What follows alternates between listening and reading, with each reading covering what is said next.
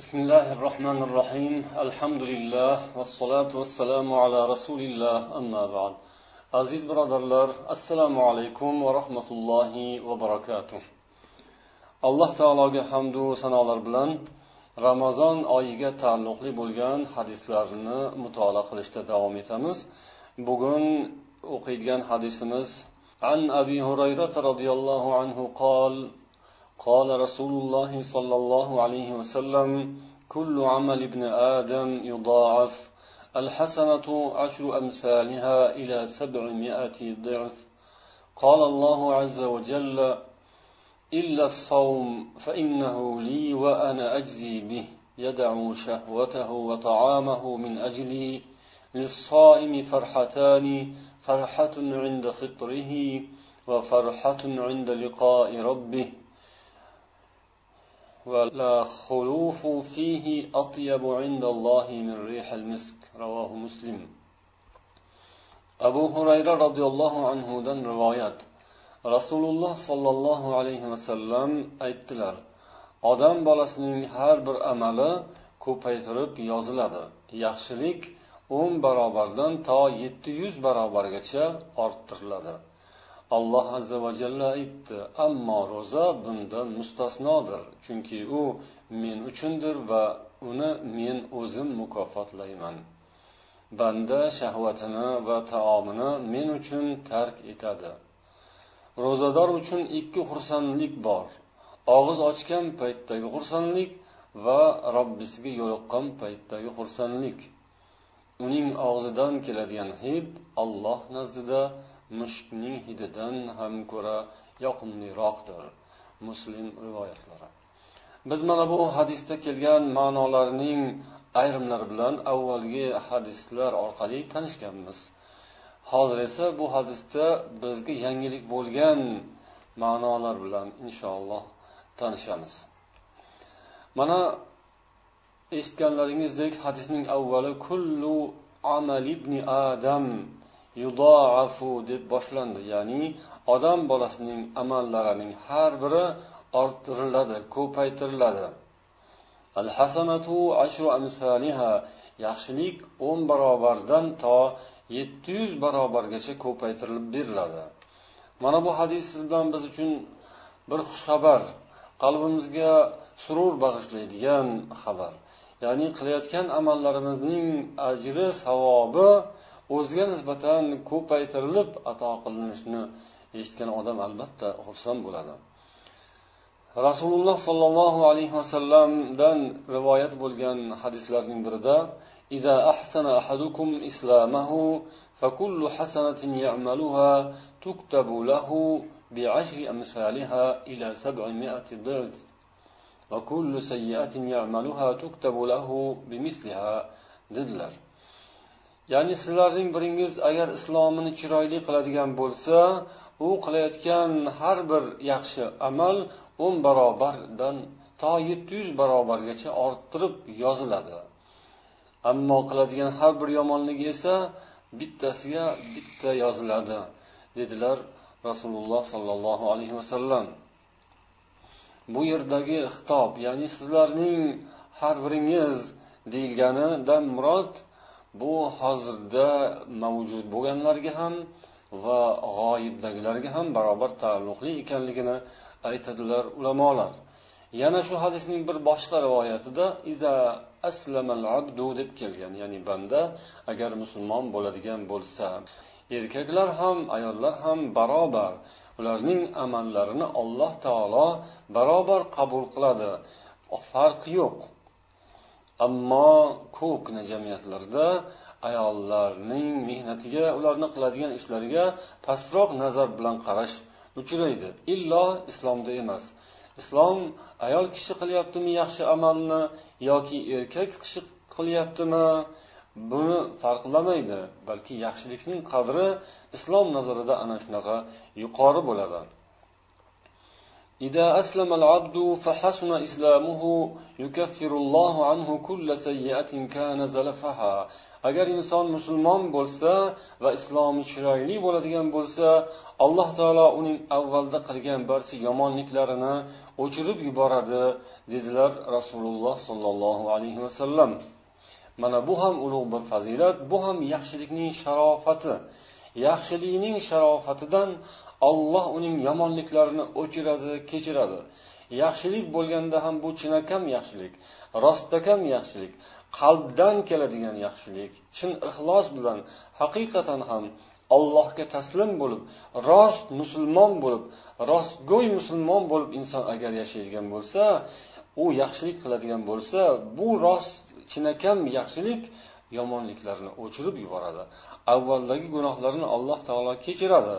Buning sharti fahasuna islamuhu uning islomi chiroyli bo'lsa yaxshi musulmon bo'lsa ya'ni u e'tiqodi bilan qalbi bilan ichiyu tashi musulmon bo'lsa tashqarisi yaxshi bo'lib ichi boshqacharoq bo'lsa emas. Yoki islomning bir amalida yaxshi bo'lib boshqa amalida orqada boshqa ishlarida sustroq yoki xunukroq amallarni ishlarni qilib yuradigan bo'lsa uni ham qilaveradigan buni ham qilaveradigan u yo'lga ham yuraveradigan bu yo'lga ham kirib ketaveradigan bo'lsa uni islomi chiroyli deb aytib bo'lmaydi. Islomi chiroyli degani islom buyurgan amallarning hammasini qo'lidan kelganicha chiroyli bajaradigan degani. Va u ichki dunyosi ham ana shunday chiroyli tashqi dunyosi ham shunday chiroyli.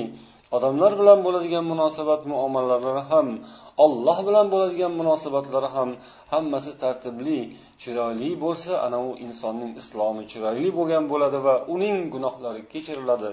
U avvalda agar kofir bo'lib keyin musulmon bo'lgan bo'lsa va islomi chiroyli bo'lgan bo'lsa uning avvaldagi gunohlari ham kechiriladi. Endi avvaldagi gunohlari kechirilishi ma'lum ekan. Islomga kirsa islomi chiroyli bo'lsa lekin bu yerda kofir kimsaning musulmon bo'lgandan keyin avvalda qilgan yaxshi amallarining hukmi qanday bo'ladi degan masala ustida ulamolar bahslari bo'lgan ya'ni turli xil fikrlar bildirilgan. Jumladan al mariziy aytadilarki kofir kimsadan qilgan yaxshi ishlar uning yaxshiliklari alloh dargohida qabul bo'lmaydi chunki u olloh uchun deb qilmaydi. agar u musulmon bo'lgan bo'lsa ham avvalda qilgan solih amallari yaxshi amallarning foydasi bo'lmaydi unga ajr savob berilmaydi chunki u paytda u olloh uchun deb qilgan emas deydilar lekin imom navoiy bu fikrga qarshi fikr bildirib aytadilarki إن الكافر إذا فعل أفعالا جميلة كالصدقة وصلة الرحم ثم أسلم ومات على الإسلام anna savaba zalika yuktabu agar kofir odam avvalda yaxshiliklar qilgan bo'lsa sadaqa ehsonlar yoki silay rahm shunga o'xshash ishlarni qilgan bo'lib musulmon bo'lgan holatda agar vafot bo'ladigan bo'lsa alloh taolo uning avvalda qilgan yaxshi amallarini ham yozadi. Alloh taolo uning iymoni islomi hurmatidan avvalda qilgan ishlarini yaxshiliklarini ham yozadi deydilar. Va bunga hujjat qilib ulamolar qur'oni karimda keltirilgan. Agar ahli kitoblardan kimki iymon keltirsa muhammad sollallohu alayhi vasallamga ularga alloh taolo ajrlarini ikki barobar qilib ato qiladi degan oyat ham bunga dalil bo'ladi. Agar ular iymon keltirmasalar demak ularga va'da yo'q. Iymon keltirsalar avvalda ya'ni musulmon bo'lmagan holatlarda qilgan savoblarini ham alloh taolo beradi va keyingisini ham qo'shib ko'paytirib beradi deb aytilgan. Bu demak yaxshilikning qadru qimmati islomda qay darajada ekanini ko'rsatadigan oyatlar va hadislardir. Inson yaxshi yaxshi ishlar bilan mashg'ul bo'ladigan bo'lsa uning ixlosi e'tiqodiga qarab alloh taolo uni ko'paytiradi. Eng kami o'n barobar ko'paytiradi. Eng yuqorisi yetti yuz barobarga ko'paytiradi. Islomdek yaxshilikni qadrlaydigan ta'limot bu dunyoda yo'q. Endi mana shu so'zning davomi sifatida aytiladiki ro'zaning mukofoti esa bundan mustasno. Ya'ni yuqorida aytildi illa savm ro'za bundan mustasno. Ya'ni ro'zaga bunday hisob kitob yurmaydi. Qanday? Ro'zaga savobi ko'paytirilmaydimi degan savol. Yo'q unday emas. Unday fikr aslo tug'ilmasin. Ro'zaga bu hisob yuritilmaydi deganining sababi ma'nosi ro'zaning hisobi hisobsiz bo'ladi. Ro'zani alloh taolo kimgadir o'n barobar ko'paytirishi mumkin. Kimgadir yetti yuz barobar. Lekin u yog'ining chegarasi yo'q. Mana shu solih amallarning ichidan ro'zaning savobiga alloh taolo yetti yuz martadan ko'ra ko'proq ortiqroq ham savob ato qilar ekan. Imom molikning kitoblari muattoda kelgan hadisning sharhida aytiladiki alloh taolo ro'zani o'ziga nisbat berib men uchundir deb o'ziga bog'laganining ustiga yana ro'zaning savobini yetti yuz marotabadan ortiqroq qilib ham berishni va'da qilyapti bizning dinimizda demak yaxshilik solih amallar ibodatlarning savobi ana shunday yaxshilik solih amallarning qadri ana shunday ekan bu so'zlar siz bilan biz uchun nihoyatda katta xursandlik katta umid baxsh etadi chunki amallarimiz ozmi ko'pmi qo'limizdan kelgancha qilayotgan amallarimizdan ba'zan ba'zan xavotirga tushamiz. Ya'ni biz yetarli darajada ko'p amal qila olmayapmiz deb afsuslanamiz. Lekin mana bu hadisni eshitganda alhamdulillah deb xursand bo'lamiz va bu bizga yana ham ko'proq kuch quvvat bag'ishlaydi. Yana ham ko'proq astaydilroq amal qilishga solih ishlarimizni yaxshi ishlarimizni ko'paytirishga harakat qilamiz. Hadis davomida yana rasululloh sollallohu alayhi vasallam aytadilar ro'zador odam uchun ikkita xursandlik bor. Bir xursandlik og'iz ochgan paytda ikkinchisi esa robbisiga yo'liqqan paytda. Qanday? Deydilar. Bu hadisning shorihi ibn hajar. Ya'ni insonning xursandligi har bir insonning o'zining maqomiga qarab holatiga darajasiga qarab har xil bo'lishi mumkin. Ya'ni ro'za kunlari og'iz ochgan paytdagi xursandlik haqida hozir gap ketyapti. Keyingisi oxiratda olloh huzuridagi bo'ladigan xursandlik. Bu dunyodagisi ro'za kuni og'iz ochayotgan paytidagi xursandlik odamlarning darajasiga qarab har xil bo'lishi mumkin ekan. Ya'ni kim qay darajada iymoni e'tiqodiga ham bog'liq. Bu xursandlikning ichida muboh bo'lgani bor mustahab bo'lgani bor. Muboh bo'lgani ya'ni joiz. Bu inson tabiatan shunday. Ya'ni nafsi orom oladigan narsalarga duch bo'lganda o'sha narsadan bahramand bo'lganda bo'ladigan xursandlik. Ya'ni ro'za kunida ham inson mm, taomga va suvga ichimlikka bo'lgan ehtiyoji oshib turgan holatda demak og'iz ochiladigan payti keladi va halol pokiza nozu ne'matlardan allohga shukrona qilib tamaddi qiladi tanovul qiladi. Bunda nafs uchun bir orom bor taskin bor bunda xursandlik bor. Bu muboh xursandlik bu tabiiy ravishda bo'ladigan insonning tabiati xushnud bo'ladigan ko'ngli xotirjam bo'ladigan holat nazarda tutiladi. Endi bu ya'ni mana shu ochlik tashnalik ketishi insonni ko'nglini xotirjam qiladi unga taskin beradi. Tabiati tabiatan demak u insonda bir xushnudlik xotirjamlik paydo bo'ladi. Mana shu narsa nazarda tutiladi bu muboh. Keyingisi esa mustahab xursandlik. Bu mana shunday ibodatni alloh taolo ato qildi. Ro'zani uni buzib qo'yadigan amallardan xoli eson omon avaylab ro'zaga xalof bo'ladigan ishlardan saqlangan holda bu ro'zani ado etganligining xursandligi ollohning buyrug'ini bajo etganlik xursandligi bu mustahab bu savob bo'ladigan xursandlikki bu insonlarning e'tiqodlari iymonlariga bog'liq.